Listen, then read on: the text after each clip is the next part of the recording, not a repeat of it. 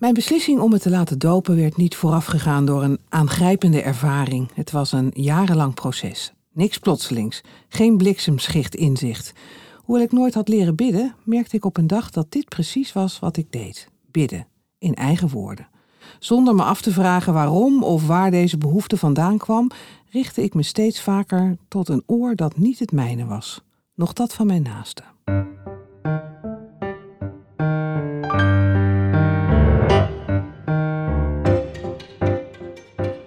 De Theologie-podcast gaat over wat vandaag speelt in kerk en theologie. De Theologie-podcast wil delen, inspireren en verdiepen. Vonne van der Meer werd in 1952 geboren in Eindhoven. Ze bouwde met 13 romans, verhalenbundels, novellen en toneelstukken een indrukwekkend oeuvre op dat zeer gewaardeerd wordt om haar lucide, beeldende stijlen en haar scherpe psychologische inzicht. Haar werk bevat onvergetelijke personages die verwikkeld raken in herkenbare, maar nooit voorspelbare situaties. Door haar lichte toon, juist waar het om grote kwesties gaat, is ze een onverwisselbare stem in de Nederlandse literatuur. In 2022 verscheen bij Atlas Contact haar boek Gesprekken op Maandag over de sacramenten. En dit boek is de aanleiding voor dit gesprek. Welkom Vonne, fijn om je hier uh, te ontmoeten. Ja. Samen met uh, Mark de Jager naast mij. Um, ja, je hebt al heel wat uh, geschreven. Ja. Dit is geen roman, dit is geen novelle, dit is geen toneelstuk, maar een, een boek met gesprekken. Ja. dat is een hele andere vorm. Hele andere vorm. Ja. Ik had wel eens mensen geïnterviewd en ook gepubliceerd die interviews. Maar de aanleiding tot de gesprekken was één gesprek. Het was eigenlijk heel doelgericht research. Uh, voor een boek en dat heette Zondagavond. En daar komt een laatste sacrament, of het wordt ook wel ziekenzalving genoemd, komt in voor. Maar ik had dat nooit meegemaakt.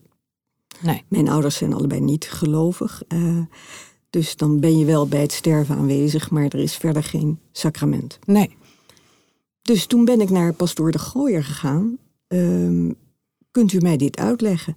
En die is toen bij mij thuisgekomen met een tas vol uh, spulletjes. Oh, hij nam ook echt olie, spullen mee, ja? Ja. Olie, alles, uh, gebedboek. Uh. Toen ging hij het voordoen. Toen zei hij, ik zeg dit, ik doe dat. En veel eromheen verteld ook. En toen ontdekte ik, ja, maar deze man heeft zoveel te vertellen. Kan het, kan het ook zo helder uitleggen.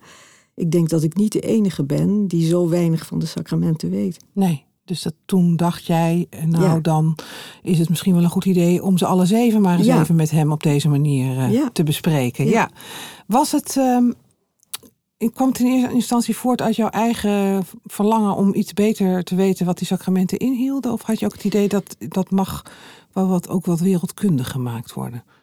Nou, ik had zelf wel toen die behoefte om, toen hij over dat laatste sacrament zoveel te vertellen had. En ook hoe hij het eh, uitvoerde, zal ik maar zeggen.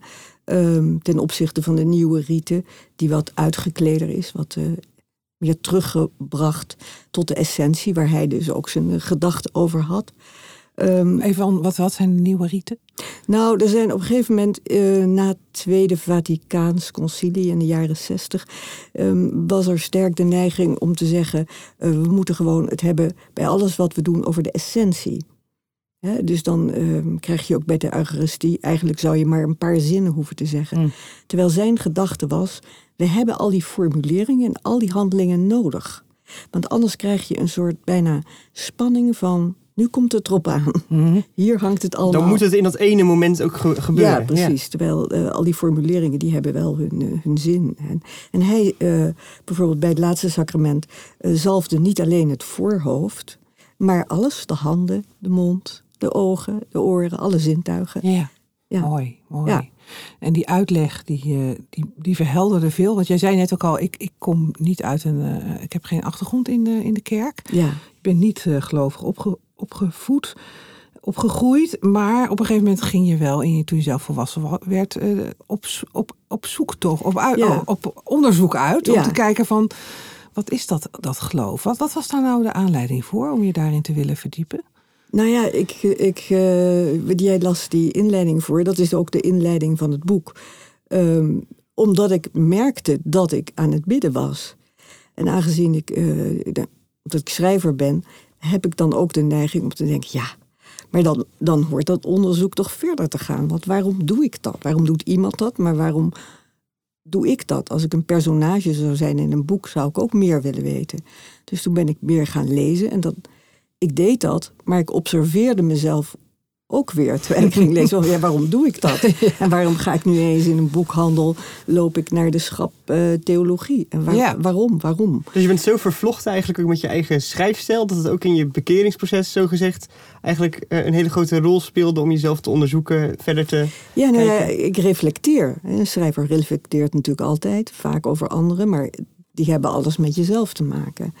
Ehm, dus dat, ik hield dat niet bij in dagboeken of zo, maar ik dacht, ja, nu moet ik ook de hele weg gaan. Ik moet Hmm. het in ieder geval onderzocht hebben, Ja. wat mij drijft. ja, precies. En dat onderzoek hield in dat je ook nog theologie ging studeren. Dat je op een gegeven moment ja, ja, colleges, colleges modules. ging voeren, Ja. vervolgen. Dat je ook op een gegeven moment de kerk in ging Ja. stappen. De kerk Ja. bij jou in de buurt. Nou ja, eerst nog in Ierland, dat was veilig Lekker ver weg. Ja, is niemand een heel klein eiland waar alleen de Ieren mij zagen. Nee, het ging niet om het zien. Het ging vooral over, denk ik, ja, maar wat heeft dit allemaal voor consequenties? Ja. Maar toen ik eenmaal hoorde eh, over een goede, mooie, fijne kerk in Naarden, bleek in dezelfde straat te zijn, Hmm. ben ik daar, heb ik niet geaarzeld meer. Ik ben En- gewoon naar binnen gegaan. Ja, ja. Ja. Maar goed, dan zit je daar eerst, denk ik, achterin een beetje die mis mee te maken. Eh, wanneer dacht je dan, ja, nu moet de volgende stap dan ook maar volgen? Nou, eigenlijk meteen. Ik Oh. was dus twee jaar in Ierland al geweest. En ik was al twee jaar eh, heel veel aan het lezen. Eh, alles wat in de colleges zich aandiende. En veel meer. Ehm, dus toen ik eenmaal die ontdekte dat de mis in, in Naarden... Ja, heel veel gemeen had met die in Ierland. En eh, ja, met toch hetzelfde, dezelfde ervaring van... Ik wil niet zeggen, hier hoor ik thuis. Dat is een beetje te makkelijk. Maar dit gaat me heel veel geven. En ik dacht ook, ik moet nu niet heel lang gaan aarzelen. Aarzelen is natuurlijk een hele mooie positie voor een schrijver. Sommige, sommige mensen houden dat hun hele Ja, leven vol. Precies. Eh, maar ik dacht, ik ontdek ook niks meer als ik voor die deur blijf staan. Dan, dan is het een hele comfortabele positie, maar dan, dan gebeurt er ook niks. En ook al, al zijn er een heleboel dingen waar ik nog niet echt over na heb gedacht, onder andere de sacramenten, misschien ook wel Jezus Christus, misschien ook wel ehm, het kruis, wat dat nou eigenlijk betekende, dacht ik, als ik niet de stap zet, zal ik daar ook nooit verder mee komen.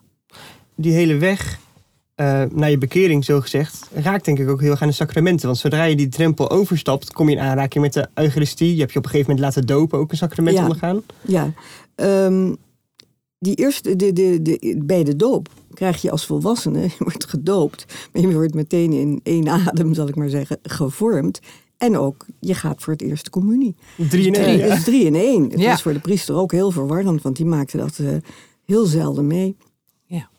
Maar het leidde er niet toe dat ik meteen dacht, oh ja, ik word nu ook gevormd. Wat houdt dat nou allemaal in? Nee. Eucharistie natuurlijk wel. Ja. Ehm, en doop ook wel, maar dat leek eigenlijk vrij simpel, omdat het zo'n direct, hè, water. Nou ja, nu ben ik gedoopt. Hmm. Dat heb je natuurlijk ook al heel vaak gezien in films en misschien wel eens meegemaakt. Ehm, maar het leidde er bij mij niet toe, gek genoeg, dat ik daar nou meteen helemaal indook. En dat is dus pas gaandeweg Ja. gekomen. Ja, dus pas eigenlijk op het moment dat je zelf een boek aan het schrijven was Ja. waarin een sacrament voorkwam, dat je dacht, nu moet ik er wat meer in weten. Echt. weten. Laten wij voor eh, de onwetende protestanten die luisteren, en die wij zelf ook zijn, dus even de zeven sacramenten noemen van de Rooms-Katholieke Kerk. Dat zijn de doop, de Eucharistie, het vormsel, de priesterwijding, het huwelijk, de biecht en de laatste sacramenten. Ja. Dat zijn er zeven. En in de protestantse kerken hebben we eh, de doop en Het avondmaal. het avondmaal. ja, Ja, Ja. Eucharistie, avondmaal. Dus dat zijn er twee. Ehm, eerst maar eens even van, wat is, wat is een sacrament? Wat, wat is, hoe zou je dat... Ja, eh, Nico de Gooier, met wie ik dus al die gesprekken gevoerd heb, die eh, formuleert het als volgt. Het is een uitwendig teken dat de eh, band met God aanduidt en versterkt. Dus beide. Ja, teken. En het, het, het- hij noemde het, hij, het kernwoord is teken. Ja. In tegenstelling tot ehm, misschien, daar weet jij meer van, promoveren, waarbij een heleboel tekst is en veel minder teken. Ja. Dat zou je ook een, het heeft ook een liturgie, een hele sterke, mooie liturgie.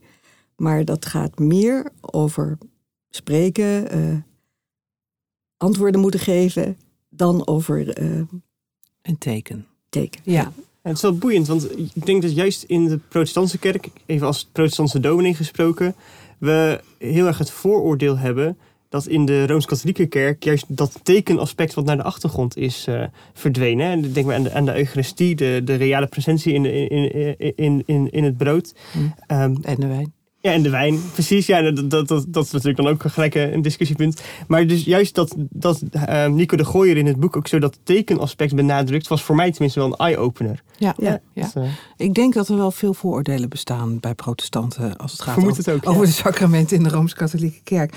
Ehm, een teken is een sacrament. Ehm, nou ja, om meteen maar een ander vooroordeel op tafel te leggen. Veel protestanten denken, en ook veel mensen van buiten, andere mensen van buiten de kerk, ja, het is een soort eh, spelletje, ritueeltje, wat we- weinig betekenis heeft. Want ja, die mensen maken dat zo vaak allemaal mee. Ja. Dat, is- dat is wel denigerend, hè? Maar is, dus zeg, wat voor gevoel hoort erbij bij die sacramenten? En Nou ja, ik denk dat die Eucharistie, waar je in een- mis heel erg naartoe leeft. Je hebt dan al schuldbelijdenis gehad. ehm, alles, al heel veel. Je hebt de lezingen al gehad, evangelie. ehm geloofsbelijdenis al gehad. Voorbeden al gehad.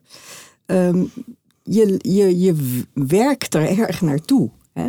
En eh, als je al eens een keer niet zo eh, aangesloten, noem ik het altijd maar, zou zijn, dan raak je dat wel, omdat je dat lange gangpad af moet. Naar Wordt gewoon meegesleurd, zeg maar. Ja, het hele gebaar van je linkerhand op de rechterhand leggen.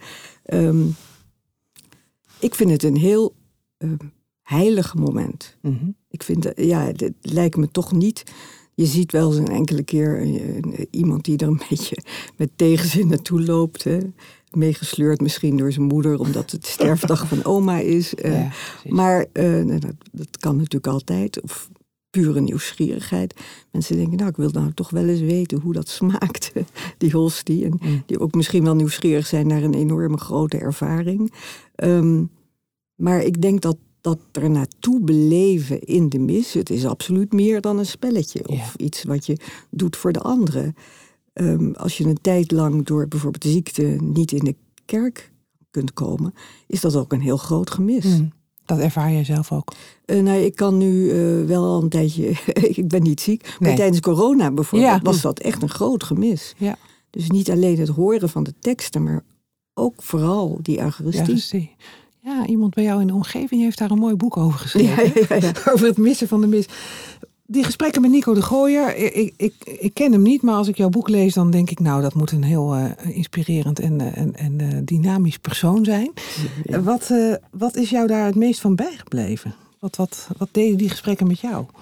Nou ja, vooral zijn helderheid en ook zijn ja, bescheidenheid is het niet het woord. Ehm, hij wist heel veel, hij had heel veel meegemaakt, hij, hij ehm, had heel veel contact met eh, destijds de Vietnamese bootvluchtelingen. Die nam die ook wel eens in huis als het zo uitkwam, als ze echt geen plaats hadden eh, om te wonen. Ehm, dus zijn, zijn, zijn zeer humane kant in combinatie met een grote liefde voor liturgie. En totaal zich niet voor eh, laten staan op zijn positie als priester. Nee, Nee, helemaal niet. nee, nee. Hij zegt ook ergens in het boek dat hij door de biecht. Hij is natuurlijk eh, een stuk ouder dan ik. En hij heeft echt nog meegemaakt in de jaren zestig. dat er rijen stonden voor de kerk. met Pasen en Kerstmis van eh, mensen die kwamen biechten. En hoe hoewel hij vast ook wel eh biechtmoe is geweest. eh, benadrukte hij toch zijn respect voor die mensen. eh, Mm. wa- Wat mensen allemaal meemaakten. Ja. Ook in de gezinnen en in de toewijding en de. Ja, Een priester dicht bij de mensen, zou je kunnen ja zeggen. zeker. Die zich zeker, niet zeker. ver verheft daarboven. Nee, absoluut niet. En, en van, die, van die zeven sacramenten die jullie bespraken, welke, welke kwam bij jou het meest binnen? Of wel, van welke uitleg had jij heb je zelf het meest geleerd van die, van die of welke meer? Het kunnen er meer zijn ehm, natuurlijk hoor. Maar... Ik herinner me het meest omdat dat ehm, ook een ongewoon gesprek was. Toch over de laatste sacramenten. Toen we dat gesprek voor de tweede keer voerden. Omdat ik me toen ineens. Het kwam in het boek helemaal niet voor in het, uh, de roman Zondagavond. maar toen herinnerde ik me ineens dat sommige mensen wel eens uh, een ziekte opdragen. En toen wilde ik daar ineens uh, meer over weten. Um, hoe hij daar tegenover stond. En, uh, Want wat is dat, een ziekte opdragen? Nou, je ziekte opdragen, um, dan zou je dus zeggen...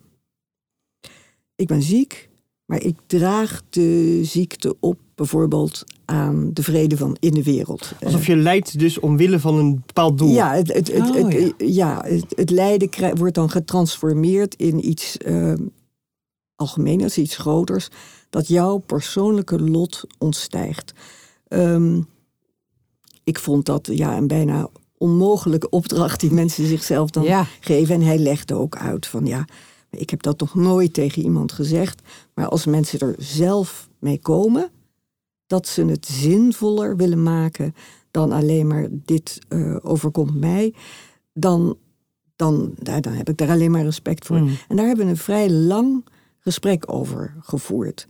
Dat ook naar uh, de opera uh, Dialoog de Carmeliet voerde, ja. waarin iets soortgelijks gebeurt. Dat iemand oppert, is het mogelijk de dood van een ander te sterven in die zin? Je kunt een heel vroom of een heel toegewijd leven leiden um, en dan toch sterven in agonie. En zou je dan kunnen zeggen, um, die vrouw of man is de dood van een ander gestorven die minder godsvertrouwen had. En die sterft nu heel rustig. Mm. Dus dat het. Um, als je het niet meer volgt, moet je het nee, zeggen nee, nee. hoor. Ik, maar ik volg het wel. Ik, ik, denk het is een soort plaatsvervangend lijden van Jezus ja, waar het over ja, gaat. Precies, precies. Dus dat is eigenlijk een soort navolging ja, daarvan, zou je ja. kunnen zeggen. En daar hebben we het heel lang over gehad. En ook over, ja, ik, ik denk dan nu. Uh, er zijn vaak ook veel oordelen hè, over mensen die ziek worden. Ja, nou, toen uh, hebben ze het geloof toch wel losgelaten, want ze hebben zo geleden. Ja, dat is niet het laatste wat je daarover kunt zeggen. Nee. En, en, en, kon je daar dan uiteindelijk wat mee? Want uh, nou, je bent nu weer aan het reflecteren natuurlijk, ja. uh, hoor ik terug. Maar ik ben wel benieuwd van, is dan je conclusie van... oh, dat zou ik misschien ook ooit wel willen of kunnen? Of... Nou ja, ik denk, niemand dat, ik denk dat niemand in angst en... Uh, angst en beven wil sterven. Dat is idioot, denk ik, om dat aan te nemen dat je dat zou willen.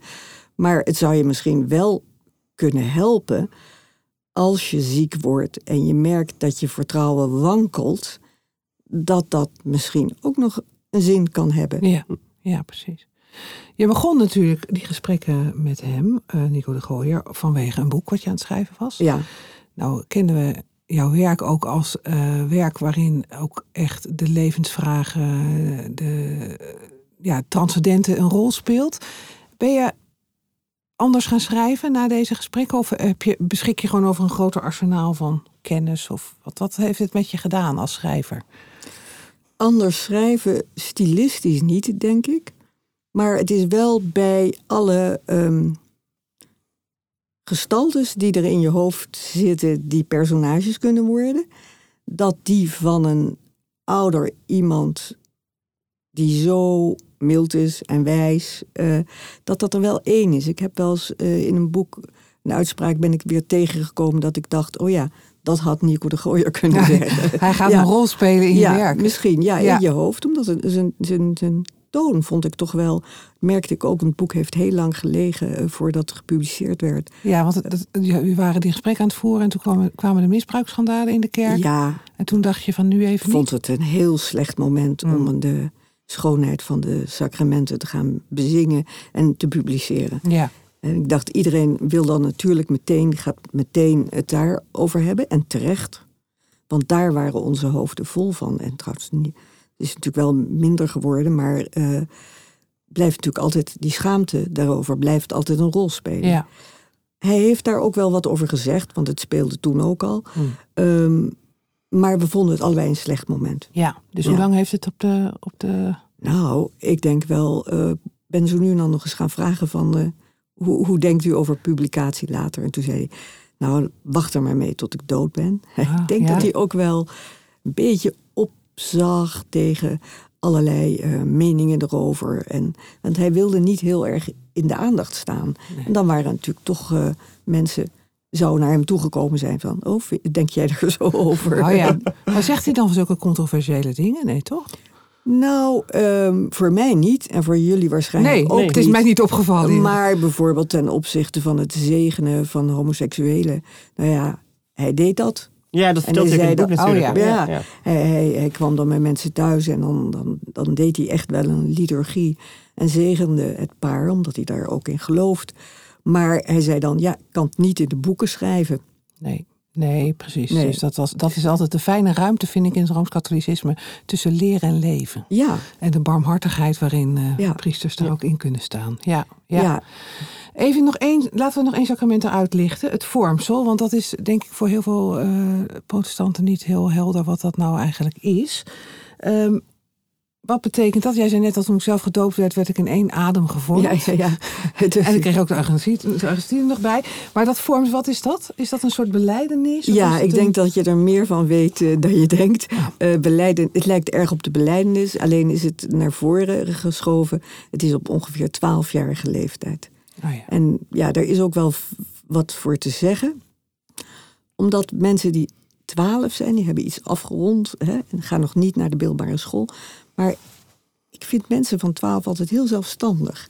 Terwijl als je in je puberteit raakt, zo 13, 14, 15, dan ben je toch veel gevoeliger voor wat vindt mijn omgeving. En dan is het natuurlijk volstrekt niet cool om, eh om belijdenis dan wel Nee. eh vormsel te gaan ontvangen. ja. Maar Ja. merk je dan niet dat als kinderen op jongere leeftijd worden gevormd, dat het gevolg van het vormsel of zo misschien wat onder druk komt te staan in de, in de rest van hun leven? Ja, maar je, je, je, je loopt natuurlijk niet met een teken op je hoofd. Ik ben gevormd. Er staat nergens een Dus kruisje. in een ja. seculiere tijd eh, dat niemand dat op het idee komt om te vragen. Nee. Je bent katholiek, ben je dan ook gevormd? Ja, wat je zegt, en, en niemand weet überhaupt dat het bestaat. Nee. Ja. En het is, ik, ik herken wel wat je zegt, want ik merk, maak mee, en dat zul jij misschien ook meemaken, Mark, dat eh, eh, jongeren van zo tussen de 18 en de 20, die in de protestantse kerk dan beleidnis zou kunnen doen, dat die ongelooflijk aarzelen. En dat ik, Hmm. de meeste mensen die, die beleidnis doen, eh, die zijn alweer wat ouder. Omdat Hmm. ze dan misschien inmiddels wel bedacht hebben van ja, nu, nu wil ik het wel. Maar, maar zeker die leeftijd waarop wij dat gebruikelijk deden, nee. En daar zie je denk ik ook wel een verschuiving. Misschien zowel in de Rooms-Katholieke kerk als in de Protestantse kerk. Dat mensen een bewuste keuze belangrijker vinden. Ja. En net zoals dat, dat, dat jij op latere leeftijd eh, ervoor hebt gekozen om te vragen om gedoopt te worden en gevormd te worden. Zie je inderdaad ook ja, in dat- mijn praktijk dat jongeren van 18, 20 die beleidnis doen. Die kiezen daar heel bewust voor. Ja. Terwijl ik denk toen, toen jullie jonger waren, beleidnis misschien meer automatisch ging. Net zo goed als dat gevormd worden automatisch eh, Ja, Ja. nou ging. dat, dat sowieso. Mensen de keuze, ja. Ja, daar wil ik toch ook wat over zeggen. Want dat bewuste, hè, eh, je zegt daarmee dus eigenlijk als iemand beter kan nadenken en meer gelezen en meer eh, uitgewisseld heeft met anderen, dat hij dan ehm, ja, minder ernstig, dat een jongere, minst, hè, een twaalfjarige, dat je die minder ernstig zou kunnen nemen. Terwijl ik juist de neiging heb, als ik naar kinderen kijk, om hoe zij de dingen beleven en fantaseren en spelen. ehm, ja, eigenlijk veel serieuzer te nemen Ja, ja, ja. dan ik menig volwassene ja, neem. ja, precies. Ja, daar ben ik ook wel met je eens. inderdaad. Want het is ook wel wat, wat Elsbeth net zei. Van, juist, je ziet ook wel dat eh, jongeren, hoe ouder ze worden, hoe meer ze gaan aarzelen. Alsof de drempel hoger wordt om belijdenis te kunnen doen. Want je moet eerst genoeg gelezen hebben. Ja, of ja, ja. genoeg geloven of wat dan ook. Dus daar zit zeker wat in. Ja. Ja, en, en, en neiging met het ouder worden om je aan te passen. Terwijl kinderen natuurlijk daar veel eh, radicaler soms zich niet aanpassen. Nee, En in hun eigen wereld leven. eigenzinniger zijn, wat dat betreft. ja. Nou, we zeiden het al aan het begin van het gesprek. Protestanten kennen slechts twee sacramenten, Rooms-Katholieken zeven. Ehm, wat missen wij? Zeg het maar. Ja, jij hebt de ervaring van, van alle zeven. Nou, nog niet van alle zeven, maar je kent ze inmiddels goed, de sacramenten. Eh, ja, nou ja, toch wel weer de vraag terug. Wat Ja. missen? Want, want jij weet dat. Ja, ik, ik weet het niet uit ervaring, maar ik denk dat die laatste sacramenten, die ziekenzalving, dat dat een heel, heel belangrijk is. Dat je misschien ook op een moment ehm, dat iemand nog niet op sterven ligt, maar weet het gaat komen tussen nu en zes weken. De, de priester laat komen of een decaan, misschien zelfs iemand uit de kerk die die wijding heeft ontvangen, want er zijn meer wijdingen. Mhm. En dan zegt: Dit is het moment. Familie erbij, of vrienden erbij, of allebei. Ehm, en dan de erkenning: ik ga sterven en ik wil nog een keer misschien biechten. En ik wil die zalving ontvangen en ik wil dit en dat nog zeggen. Ehm, dan komt het er ook niet zo op aan eh, dat een broer of zus zegt: Ja, jij was erbij bij het sterven van mama, maar ik niet, want ik haalde het niet. Ik moest helemaal aan de andere kant van het land. Ik noem Ja. maar wat. Hè? Ja. de, de spanning van het moment van sterven en of je daar wel. Er is nu de realisering: ik ga sterven en het kan nog een tijdje duren, maar jullie weten het en ik weet het. Ja. Ja? En je sluit het leven dan ook echt bewust af. Ja. Dat is natuurlijk ook een hele mooie, Ja. mooie vorm. Ja, ja. Heb jij het gevoel, Mark, dat we iets missen? Nou, ik denk wel dat ehm, er steeds meer aandacht is ook voor, voor sacramentaliteit. Dus het idee dat eh, als je sacramenten helemaal beperkt tot alleen dat doop en dat avondmaal, dat je wel degelijk eh, iets mist. En ik herken wel wat, wat, wat, wat Vonne zegt, dat als je ehm, eh, aan een sterfbed staat, dat heb ik zelf ook als predikant, dat je behoefte hebt aan, aan een zekere ritualisering of zo. Ja. Aan, eh, eh, helemaal aan het begin van het gesprek definieerde een sacrament ook als een versterking van de band met God. Dat Ja. het juist op het eind ook zo belangrijk is om dat ook, ook te benoemen en onder woorden te brengen en zo. Ja. Dus ik herken wel dat, dat die aandacht daarvoor ook binnen de protestantse kerk of de vraag daarnaar ook groeit. Ja, Ja. ja. precies. Ja, en ik denk bijvoorbeeld zo'n sacrament als de biecht. ehm, ik merk dat ik zelf daar heel erg behoefte aan heb. Dat dat, dat, dat Mhm. geformaliseerd is. Hè? Uitspreken van de zonde, uitspreken van de vergeving. Protestanten zeggen dan altijd, ja, maar je weet toch, dat kan je toch ook rechtstreeks met, eh, met de heren regelen. En denk ik, nou ja. En eh, nou ja, dus de biecht ook voor, inderdaad, in mijn, ook in mijn praktijk als predikant merk ik dat mensen behoefte hebben om hun, wat, wat hen bedrukt te beleiden. En dan ook te horen, je bent vergeven. Ja. Hè? En dus dat een priester dat uit kan spreken namens God, dat, is ook, dat heeft ook echt een betekenis. Dus nou ja, die twee. Maar goed, jij zei ook, Mark, misschien kunnen wij niet shoppen in de sacramenten. Nee, klopt. Ja, ik denk van je moet dan zeg maar. Ik kan me voorstellen dat. Ik ben, ben natuurlijk zelf geen rooms-katholiek. Maar ik kan me voorstellen dat als we hier over in gesprek zouden zijn met Nico de Gooier. dat hij misschien wel zou zeggen: van dan moet ik alles even. Hè, dan kan je niet zeggen van we pakken de sacramenten die we Nou. leuk vinden. Nee, Denk je- denk kan je het niet? laten groeien. Hè? een soort eh, koraalrif en er komt een sacrament bij. Ik, ik zou, ja, als jullie dat zo voelen, dan zou ik daar maar eens me sterk voor gaan maken. Precies, Dan gaan we op, voor op de, ba- barrica- op de barricade voor de sacramenten. Ja. Ehm, binnen jouw eigen kerk, Vonne, de Rooms-Katholieke Kerk, eh, wat, wat voor reacties heb je gekregen tot nu toe op het boek? Ehm, ik heb een paar hele ehm, ja, belangrijke eh, reacties gekregen van mensen die niet meer naar de kerk Oh. gingen, al vanaf hun eh, volwassenheid. En die zeggen, ja, als ik deze dingen, als dit mij zo uitgelegd was, dan had ik er mee, meer band mee gehouden.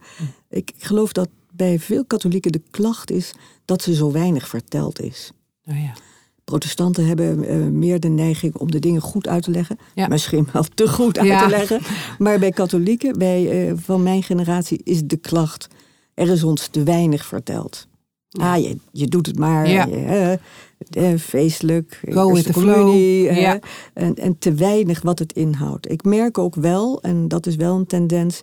dat priesters nu meer de neiging hebben om er ook iets bij te vertellen. Als een kind gedoopt wordt, ehm, wat, het, wat de tekenen waar ze vandaan komen.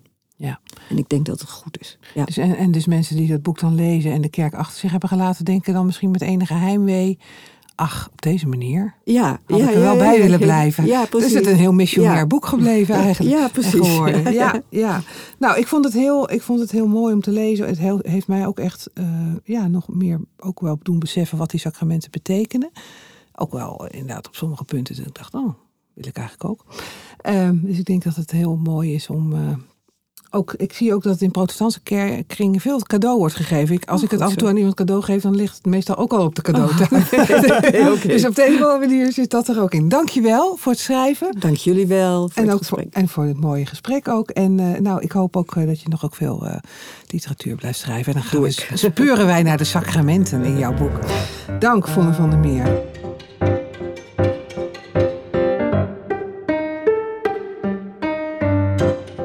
Gaan door naar ons nieuwsbulletin. Dat is vandaag met Peter Gorter, redacteur van Kok Boekencentrum. Welkom Peter. Wat heb je voor ons meegenomen? Ja, ik heb twee nieuwe uitgaven meegenomen die uh, over hetzelfde thema gaan, namelijk de moderne theologie. Kijk. En het eerste boek uh, heet De Moderne Theologen. Uh, verschenen bij Boom, uitgever.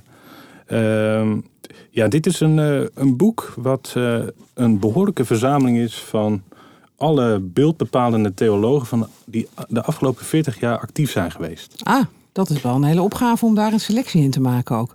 Uh, enorm. Het, is een, het moet een enorme klus zijn geweest. En echt ook een uh, prestatie.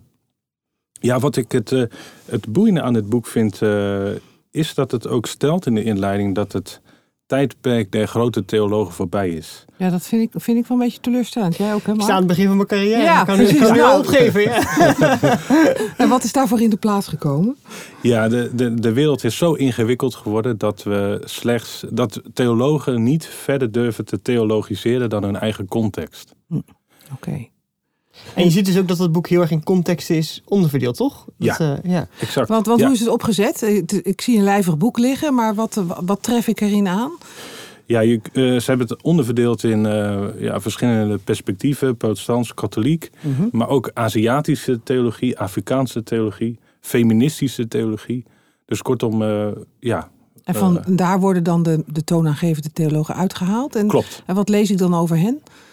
Ja, wie ze zijn, eh, wa- waarin ze uitblinken als theoloog. En vervolgens wordt ook een kort stukje van hun werk eh, meegegeven. Ah ja. Dus je kunt ook echt van het werk van die theologen zelf lezen.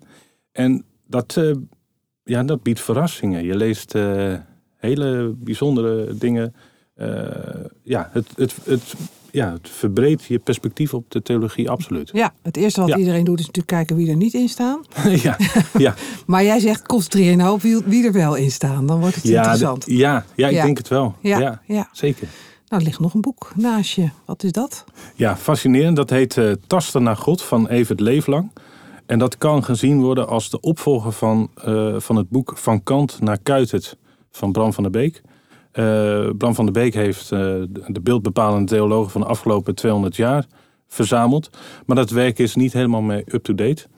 Eh Evert Leeflang heeft, heeft dat een up-to-date werk geschreven, maar niet alleen dat. Hij laat ook de verbanden zien. Dus kortom, hoe is ons beeld van God de afgelopen 200 jaar veranderd? Hm. En ik heb het net over Bram van der Beek. die geeft ook een aanbeveling van het werk. Ja. Dus ja, Een waardige opvolger dus. een, een waardige opvolger. Ja, absoluut. En als het gaat over ons beeld, gaat het over Nederland, over het Westen, over... Ja, nou, go- go- goed dat je het zegt. Het gaat inderdaad over Europa. En dan de afgelopen 200 jaar. Eh, er wordt niet alleen aandacht besteed aan protestantse theologie. Eh, maar ook aan katholieke theologie en Oost-orthodoxie. Oké, dus het is heel breed. En dat in één Ja. boek. En dat in één boek. Is dat dan toch een geslaagde poging? Eh, ja, absoluut. Ja. absoluut. Ja. Het zijn ook wel twee boeken, als je ze hier zo ziet liggen, zeg maar, je legt ze op elkaar en je bent gelijk een meter groter. Ja, je kan je beeldscherm erop zetten als je gaat zoomen. Ja, precies, ja. ja. Dan is het hoog genoeg. Dankjewel Peter Gorter voor, eh, voor het toelichten van deze boeken. Als u meer wilt van theologie, ga dan eens kijken op de website theologie.nl. Daar is deze podcast eh, ook onderdeel van, van het platform theologie.nl. Daar treft u allerlei artikelen aan, achtergrondinformatie, interviews, allerlei boeiende zaken rond theologie.